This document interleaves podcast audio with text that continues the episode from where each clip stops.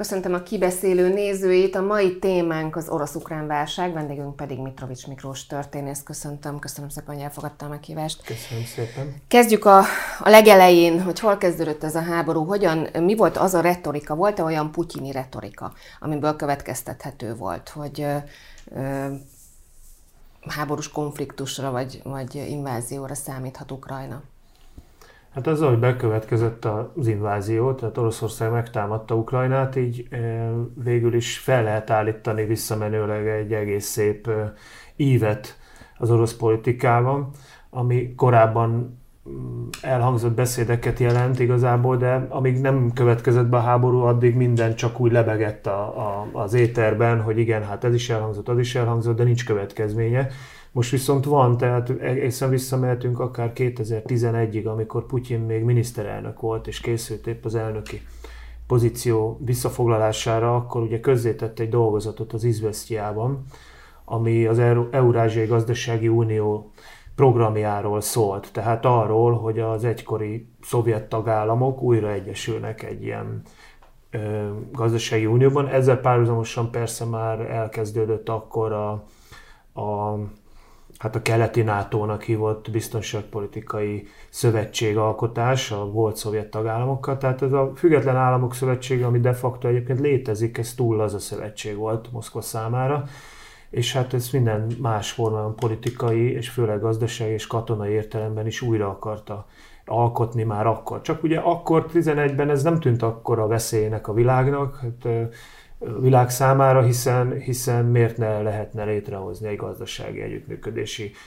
konglomerátumot, létezik Európai Unió is, meg a világban számos más integrációs szervezet is, de aztán később ugye elkezdődtek a, a, a főleg hát már Krím elfoglalása után, ugye 14-15 után már elkezdődnek az olyan beszédek egyre gyakrabban, amely egyrészt az ukránoknak szól, hogy oroszok, ukránok lényegében egy nép, egy kultúra, és hát milyen jó lenne, ha a keleti szlávok ugye újra egy államban egyesülnének, nem pedig nyugat felé kívánkoznának ki. Ugye pont a, a Krím elcsatolása előtti ma, a Majdannak nevezett tiltakozás során pont abból adódott, hogy ugye az akkori ukrán vezetés bejelentette, hogy a az Eurázsiai Gazdasági Unióhoz kíván csatlakozni az Európai Uniós Társulási Szerződés aláírása helyett. Ez váltotta ki a tömegek elégedetlenségét, akik az ellenkezőjében bíztak. Szóval igazából szépen összeáll, és akkor az elmúlt években is láthattuk Putyintól ezeket a nagy történelmi évű beszédeit, amely a nyugati nagyhatalmakat vádolta azzal, hogy felelősek a második világháború kirobbantásáért, ugye, hogy Csehszlovákiát átadták Hitlernek, hagyták, hogy feldarabolja. Ezzel most utólag úgy tűnik, mintha elő akarta volna készíteni azt, hogy ő viszont Ukrajnát akarja szépen feldarabolni, vagy részeit elcsatolni. Tehát sok-sok ilyet lehet látni, és hát az utolsó, az közvetlen ugye a háború kirobbanása előtt, amikor lényegében azt mondta, hogy az a követelés, hogy a NATO az 1997-es állapot elé menjen vissza, tehát lényegében az összes egykori Varsói Szerződés tagállam NATO csatlakozását tegyék semmissé, és ezért mondom én, hogy igazából itt nem arról van szó csupán, hogy Ukrajna ellen indított egy háborút az orosz vezetés, hanem a NATO-nak üzent kvázi had, vagy hadat, Természetesen nem támadja meg a NATO-t, hiszen az egy globális, akár világháborúba is torkolhatna, ugyanígy a NATO is nagyon óvakodik attól, hogy beleavatkozzon ebbe a hadművetekbe. De hát azért látnunk kell, hogy itt erről van szó, tehát egyáltalán nem biztos, ha Ukrajna elesik, kapitulál, tegyük fel a, ezt a legrosszabb forgatókönyvet, akkor, akkor mi van ezzel a, a, a putyini követeléssel, tehát akkor hogyan tovább, tehát akkor rögtön Románia, Magyarország, Lengyelország határos lesz Oroszországgal, vagy legalábbis az orosz állam haderő által megszállt területtel, tehát lényegében közvetlen kapcsolat lesz. Tehát fel kell tenni ezeket a kérdéseket, hogy akkor, akkor hogyan tovább. Nyilván nem tudjuk erre a választ, meg nem is biztos, hogy kifut idáig a dolog, csak hát látni kell, hogy miről szól. Azt mondta, hogy a legrosszabb esetben Ukrajna kapitulál. Az a legrosszabb eset, hogyha, hogyha ez történik? Hát azt gondolom, hogy a régiónk szempontjából a legrosszabb eset, hiszen ha kapitulál Ukrajna olyan formában, hogy itt egy orosz bábállam jön létre, akkor közvetlen határosok leszünk az orosz haderővel. Lengyelország már ma is az Belarus Belarus megszállásának köszönhetően, ugye lényegében megszállta az orosz hadsereg Belaruszt, de erről nem szoktunk úgy beszélni. Ott vannak a lengyel határtól tényleg lőtávolságra az orosz tankok. Itt lesz egy nagyon hosszú közös NATO-orosz határ katonai értelemben, és hát azért Putyin elmúlt években elmondott beszédeiből tudjuk, hogy ő ezt az európai státuszkót ezt nem fogadja el, sőt egészen akár visszamehetnénk a 2007-es Müncheni biztonságpolitikai konferencián elmondott Putyin beszédig, amikor egyébként még Putyin nagyon elfogadott volt a világ számára, és ő már akkor megkérdőjelezte ezt a, ezt a státuszkót, és tett olyan javaslatot, hogy újra a második világháborúban győztes hatalmak, tehát Oroszország, Amerika, Nagy-Britannia és Franciaországnak újra kellene rendezni ezt, a, ezt az egészet, a befolyási zónákat biztonságpolitikai szempontból is, és nyilván itt politikai befolyásról is szó van. Tehát ö, ö, számunkra a legrosszabb lenne, hiszen akkor itt mi egy, egy frontvonalban élnénk a továbbiakban, és hát ez közvetlen háborús fenyegetés, akárhogy nézzük. A jelenlegi helyzetben az uniós szankciók, azok mennyire jelentenek fenyegetést, mennyire vehető fenyegetésnek, támadásnak az, amit, az, amit, ami Oroszország ellen zajlik gazdasági téren, illetve ezt Oroszország mennyire veszi komolyan. Most természetesen a mindennapokban nyilván az oroszokat ez jelentősen sújtja, de a gazdasága szempontjából ez mennyire fontos? Hát ez nagyon komoly csapás az orosz gazdaságra. Nem tudom, hogy persze azt kommunikálja az orosz vezetés, hogy ők számoltak ezzel. Voltak azért már olyan hangok is, hogy azért nem ennyire számoltak ezzel. Lényegében az, hogy nem is csak a szankciók, hanem lényegében a, a nagy világcégek önmaguk is kiszállnak az orosz piacról, tehát kivonják a, a termelésüket vagy a szolgáltatásaikat az orosz piacról. Ez tényleg most már elindított egy ilyen lavinát, tehát már majdnem az, hogy megbélyegzik, aki benn marad. Ez való igaz, hogy ez, ez, ez katasztrófa szélére sodorja az orosz gazdaságot. Az orosz gazdaság lényegében ugye a nyersanyagbázisra támaszkodik a mai napig. Tehát ez nem egy Európai Unió, egy Amerika vagy egy Kína, ahol lényegében tényleg a, az egyszerű olcsó pólótól a csúcs technológiás telefonig vagy legjobb autókig minden gyártanak. Tehát nagyon is rá van szorulva a, a, a, a világ szolgáltatásaira, termelési kapacitásaira Oroszország. Tehát enélkül hosszú távon azt gondolom nem tudnak létezni, de hát ez még mindig nem egy katonai akció, tehát a nyugat nem nagyon tud más csinálni. Nyilvánvalóan a katonai beavatkozástól mindenki nagyon óckodik, joggal, hiszen itt atomháború veszélye is ugye fennforog. Tehát ez az egyetlen hatásos módszer, ha gazdaságilag kivéreztetik Oroszországot, és mondjuk egy államcsődöt kell jelenteni, nem tudja finanszírozni tovább a hadműveleteket, az utánpótlást, a katonák élelemmel, lőszerrel való ellátását. És hát lássuk be, hogy azért napi 5-10 milliárd dollárt is elégetnek az oroszok jelen pillanatban a háborúban, tehát ezért ezek gigantikus összegek. Kínára még térjünk meg vissza, más összefüggésben viszont a, a pénzügy és a háború összefüggéséről beszéljünk egy kicsit. Lejelentheti a háború végét, hogyha valamelyik félnek elfogy a pénze? Hát ez bizonyosan jelentheti. Ugye volt olyan ö, információ korábban, hogy Ukrajna 6-8 hétig tudja tartani a háborút. Háborús. Igen, hát én azt gondolom, hogy Ukrajna most már úgy látszik, hogy tovább is tudja tartani, mert, mert olyan pénzügyi és fegyver segítségek, fegyverszállítmányokat kap, ami, amivel meg tudja hosszabbítani az ellenállást. Ugye lényegében a, a, az európai nagyhatalmak, bankok és hát az amerikai kongresszus is folyamatosan szavazza meg az újabb és újabb pénzügyi és katonai segélyt Ukrajna számára. Látszik, hogy a világ közvéleményét ebből a szempontból Ukrajna megnyerte, tehát a csúcs technikától kezdve, tehát a, a műholdas támogatástól kezdve a, tényleg az egyszerű élelmiszer szállítmányokig mindent megkapnak a, a világtól, leszámítva persze azt a katonai segítséget, amire vágynak, hogy mondjuk zárják le a légteret Ukrajna felett, hogy ugye az orosz légi támadásokat meg, meg tudják akadályozni mivel az ukrán légierőt lényegében ugye az első két napon nagy részt megsemmisítették, azóta a maradékot is. Úgyhogy én azt gondolom, hogy Ukrajna nem fogja ebből a tekintetből kivérezni, és jóval nagyobb esély van arra, hogy Oroszország az orosz gazdaság vérzik ki a háborúnak és a szankcióknak, illetve hát ezeknek a, a, a világcégeknek az önkéntes kivonulásának a következtében. Itt azért érdemes Putyin személyéről beszélni. Ugye voltak olyan elemzések, amelyek az ő elmeállapotát vizsgálták, illetve a, a reakcióit számították, hogy mire mit reagálhat. A, volt, aki, aki azt mondta, hogy, hogy ő nagyon tudatosan csinálja most is azt, amit csinál, tehát nem igaz az, hogy ő esetleg egy feldúlt állapotban, vagy egy, egy más idegállapotban van. Az, az ő állapota, illetve az ő viszonyulása, az mennyire, mennyire befolyásolhatja azt, hogy meddig megy el ebben a háborúban, illetve a körülmények azok meddig vihetik? Hát Putyin állapotáról ugye semmit se tudunk lényegében, minden csak találgatás. Igen, de számtalan elmélet van. Ugye lényegében elzárva él a, a világtól, alig találkozik bárkivel, de ez már nem a háború miatt, hanem ez már lényegében a Covid két éve alatt is így volt, úgyhogy erről nagyon keveset tudunk.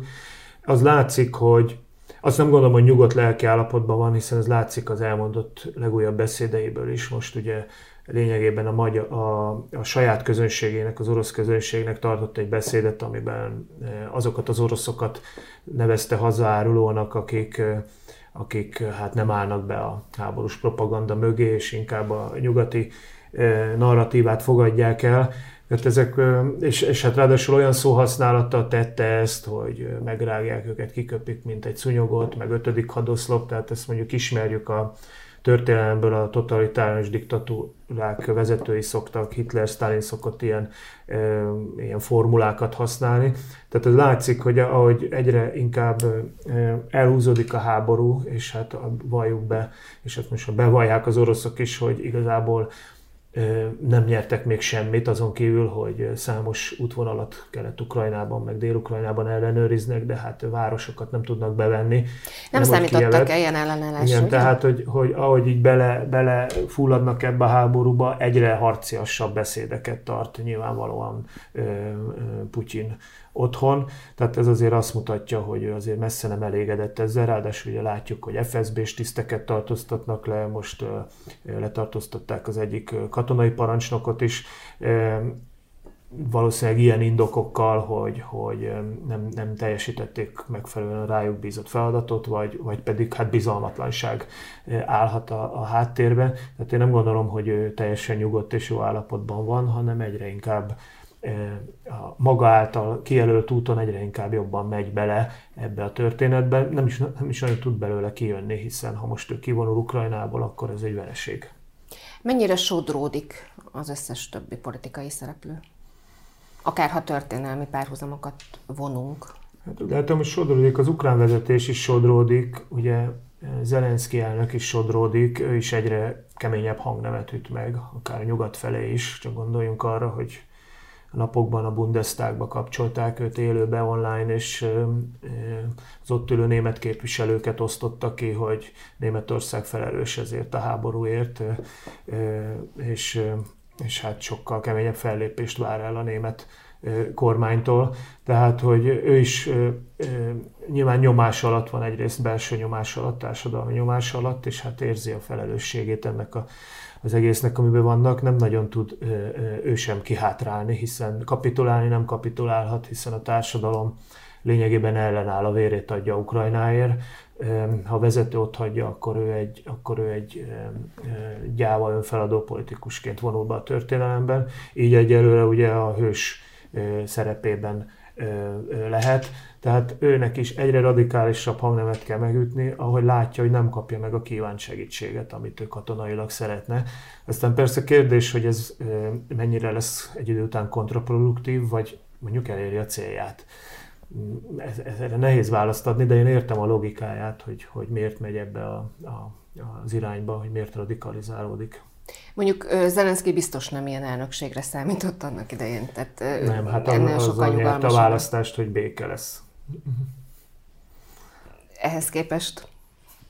Igen, jó, hát most Nyilván nem, tehát ő elszenvedője ennek Nyilván nem ő robbantotta ki a háborút, tehát nem ő tehet arról, hogy, hogy kirobbant a háború, viszont az, az egészen elképesztő, hogy az élére állt.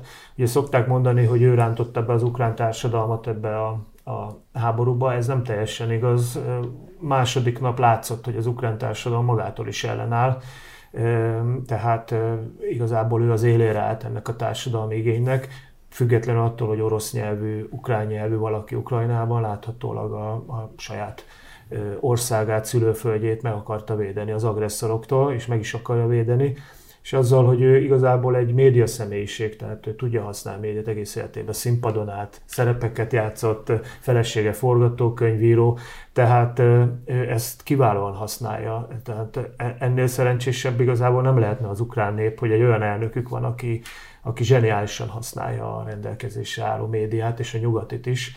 Most csak megnéztem, ugye, hogy a közép-európai miniszterelnökök, akik kiutaztak ki ebben a lengyel, a, a cseh és a szlovén, nem olyan karakterek. Ha ők állnának, azért nem biztos, hogy nem így néznek ki Ukrajna a nemzetközi térben. Tehát ez, ez lényegében rászapták ezt a, ezt a média szerepet. Hát az egy másik, hogy személyes bátorsága volt, és nem hagyta el, tehát most az élete nyilvánvalóan veszélyben van minden nap, de nem hagyta el az országot, tehát így a kettő együtt, és a társadalmi támogatottság őt most jelen pillanatban a hősi kategóriában tartja, de hát tudjuk, hogy, hogy nagyon könnyű innen azért nagyot bukni is.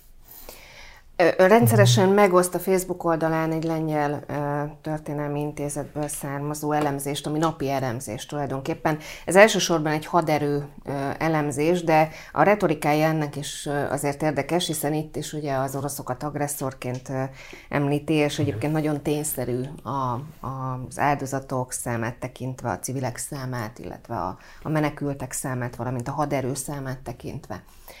A lengyel-ukrán viszony az az jelenleg milyen? Ugye azt is tudjuk, hogy, hogy több menekült indult el Lengyelország felé, mint akár mondjuk Magyarország felé. Magyarországra 900 ezer, ez a legfrissebb adat, 900 ezer menekültet várnak, jelenleg 500 ezer körül érkeztek. Lengyelországban viszont már milliós ez a nagyságrend. Mitől jobb? Vagy miért közelebb van, vagy, vagy más a, a két ország viszonya? Hát kulturálisan is Lengyelország közelebb áll Ukrajnához. Ugye mai Ukrajnának a jelentős része egészen a Nyeperig több mint 400 éven át a lengyel-litván államhoz tartozott. Aztán egyébként a mai Nyugat-Ukrajna a Habsburg birodalmon keresztül is hát 123 évig ugye mondhatjuk, hogy a közép-európai vagy nyugati kultúrkörhöz tartozott. Tehát azt lehet mondani, hogy van egy nagyon erős történelmi kötelék. Ugye a nyelv hasonló. Mondhatják az oroszok, hogy, a, vagy a, hogy az ukránok oroszok, de ez, ez, ezt mondhatnák a lengyelek is, hogy lengyelek. Hát legalább olyan közel van az ukrán nyelv a lengyelhez, mint az oroszhoz. Most függetlenül, hogy keleti vagy nyugati szláv, akkor nagy jelentősége nincsen. Másikok, hogy a lengyelek számára ez egy biztonságpolitikai ütközőzóna, tehát ők a Szovjetunió felbomlása után úgy tekintenek Belarusra, Ukrajnára, Moldovára, meg a balti államokra is, hogy ez egy ütköző zóna, jó, a balti államok időközben csatlakoztak a NATO-hoz, de mégis ez a két nagy ország, Belarus és a nála jóval nagyobb Ukrajna, egy nagyon fontos olyan zóna, hogy minél távolabb legyen a lengyel határ az orosz határtól. Tehát nekik érdekük, ben áll, most már több mint 30 éven keresztül ezt minden kormány konzekvensen csinálja is, hogy, hogy az ukrán függetlenséget, szuverenitást erősítse, és mindenféle dezintegrációs törekvést elutasít, és hát láthatjuk a narancsos forradalom, a Majdan, aztán most is, hogy a lengyel elnökök, miniszterelnökök ott vannak Kielben, Ukrajna szószólójaként lépnek fel a nemzetközi szintéren, és próbálnak közvetíteni, próbálják őket támogatni. És hát most bekövetkezett ráadásul egy olyan helyzet, hogy, hogy most nem csak támogatni kell az ukránokat, hanem jönnek. Tehát most már, most már majdnem két millióan Lengyelországban vannak, és hát az látszik, hogy egy óriási társadal, össztársadalmi szolidaritás bontakozott ki. Tehát ez, ezt a, nem a lengyel állam helyezi el ezeket az embereket többnyire. Ők megszervezik a szállításokat meg, meg átmenetileg ugye ellátják őket, de ezt magánemberek fogadják be. Hát az összes lengyel ismerősömnél laknak ukránok jelen pillanatban, és nem csak Kelet-Lengyelországban, hanem egész Lengyelországban. Most gondoljunk bele, hogy másfél-két millió ukrán, ez még lehet három is, el van szállásolva egy, egy 40 milliós Lengyelországban, tehát majdnem te mindenkinél vannak ukránok, vagy minden második háztartásban.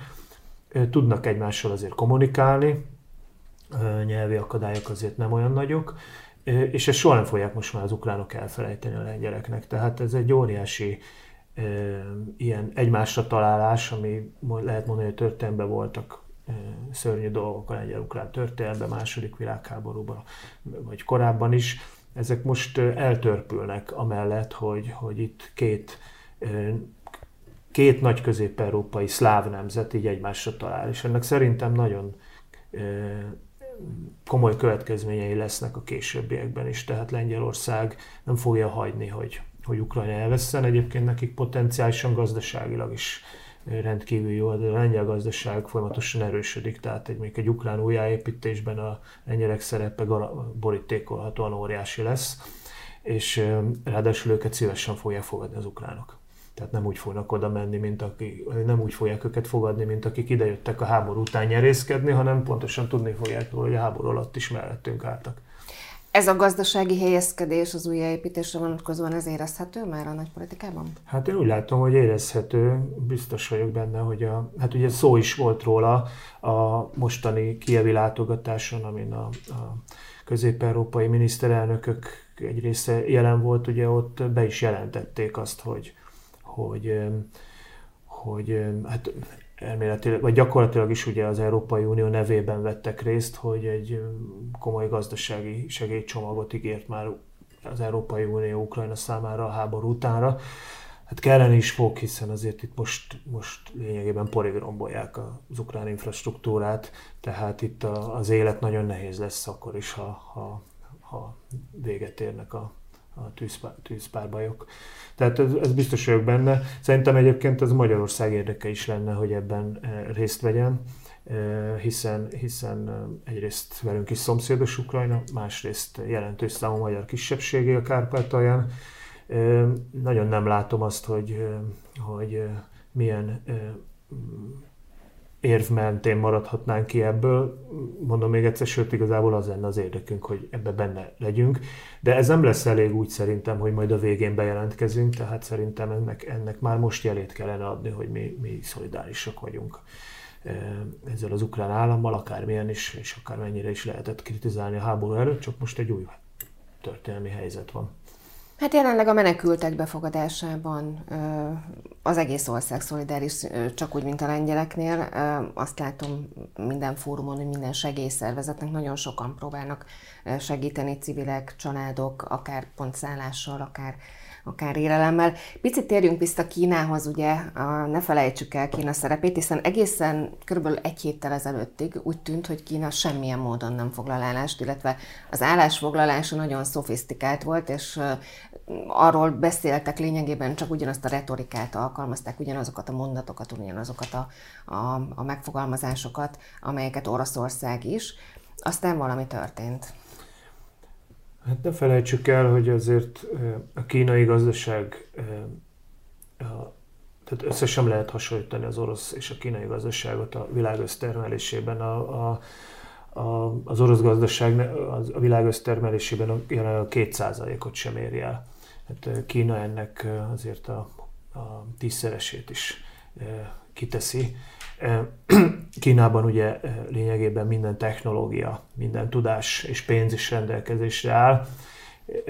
Pont abban vannak bőségben, amiben Oroszország hiányt szenved, szóval se tőke, se innováció, se technika, és ugye a jelenlegi szankciók következtében még inkább el lesznek ettől zárva. Tehát Kínának igazából nem érdeke Oroszországgal összerúgni a port, hanem egyszerűen akarom kifejezni magam, hiszen nagyon is logikus és látható érdekek mentén politizálva ők be tudnak nyomulni ebbe az űrbe. Tehát már most is mondjuk a nyersanyag kitermelésben rengeteg kínai technika van, még ha ezt nem ismerik nagy dobra.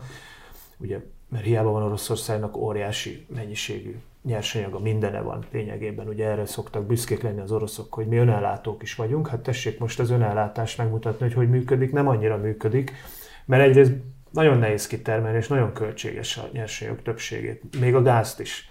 Még mondjuk Szaudarábiában egy dollárból, vagy kettőből kitermelnek egy hordó olajat, ez majdnem 8-10 szerese a kitermelési költsége Oroszország különböző területein, és jóval elavultabb technikával is dolgoznak.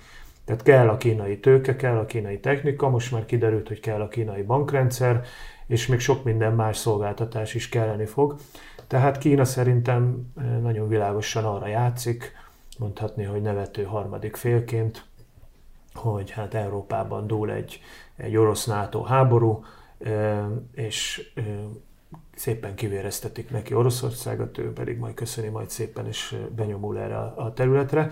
És szüksége lesz Oroszországnak rá, bár nagyon hozzátenném és hangsúlyozom, hogy azért ez nem feltétlenül orosz érdek, hiszen miért lenne orosz érdek kiszolgáltatottá válni Kínának?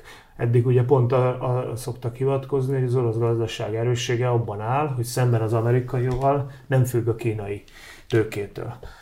Most ugye nagyon könnyen bekövetkezhet az a helyzet, hogy rövid időn belül függeni fog, sőt jobban, mint Amerika. Sajnos végére értünk a, az időkeretünknek, de nagyon sokat tudnánk természetesen még, még beszélni erről, és azt gondolom, hogy sajnos, hogy hál' Isten, de fogunk is. Remélem, hogy a, a hál' Isten az az lesz, hogy utólag elemezzük majd a kialakult helyzeteket gazdaságilag. Nagyon szépen köszönöm, hogy elfogadta a meghívásunkat. Én is köszönöm a Beszélgethettünk néhány részletről. A nézőinknek köszönöm szépen a figyelmet. Egy hét múlva ismét várjuk Önöket kibeszélővel. Viszontlátásra!